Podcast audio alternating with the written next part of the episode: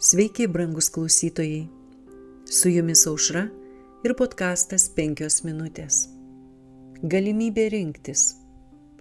Bet nuo gero bei pikto pažinimo medžio tau neleista valgyti, nes kai tik nuo jo paragausi, turėsi mirti. Pradžios knygos antros skyriaus 17 eilutė. Mūsų pirmieji tėvai, nors ir sukurti tobuli ir šventi, nebuvo apsaugoti nuo galimybės suklupti. Jie galėjo mėgautis bendravimu su Dievu ir angelais, tačiau prieš užsitikrinant amžiną apsaugą, jų ištikimybė turėjo būti patikrinta. Nuo pat žmogaus egzistavimo pradžios dėmesys buvo nukreiptas į savęs išaukštinimą, pagrindinę aistrą, kuri tapo šetono puolimo pagrindu. Sodo viduryje šalia gyvybės medžio stovėjęs pažinimo medis turėjo tapti mūsų pirmųjų tėvų paklusnumo, tikėjimo ir meilės išbandymu. Nors jiems buvo leista laisvai valgyti nuo bet kurio sodo medžio, pažinimo medžio vaisius jiems buvo uždraustas.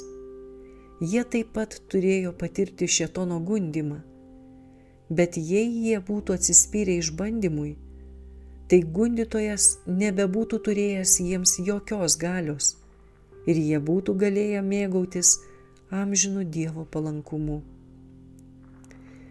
Brangus klausytojai, Dievas galėjo sukurti žmogų be galimybės sulaužyti jo įstatymą.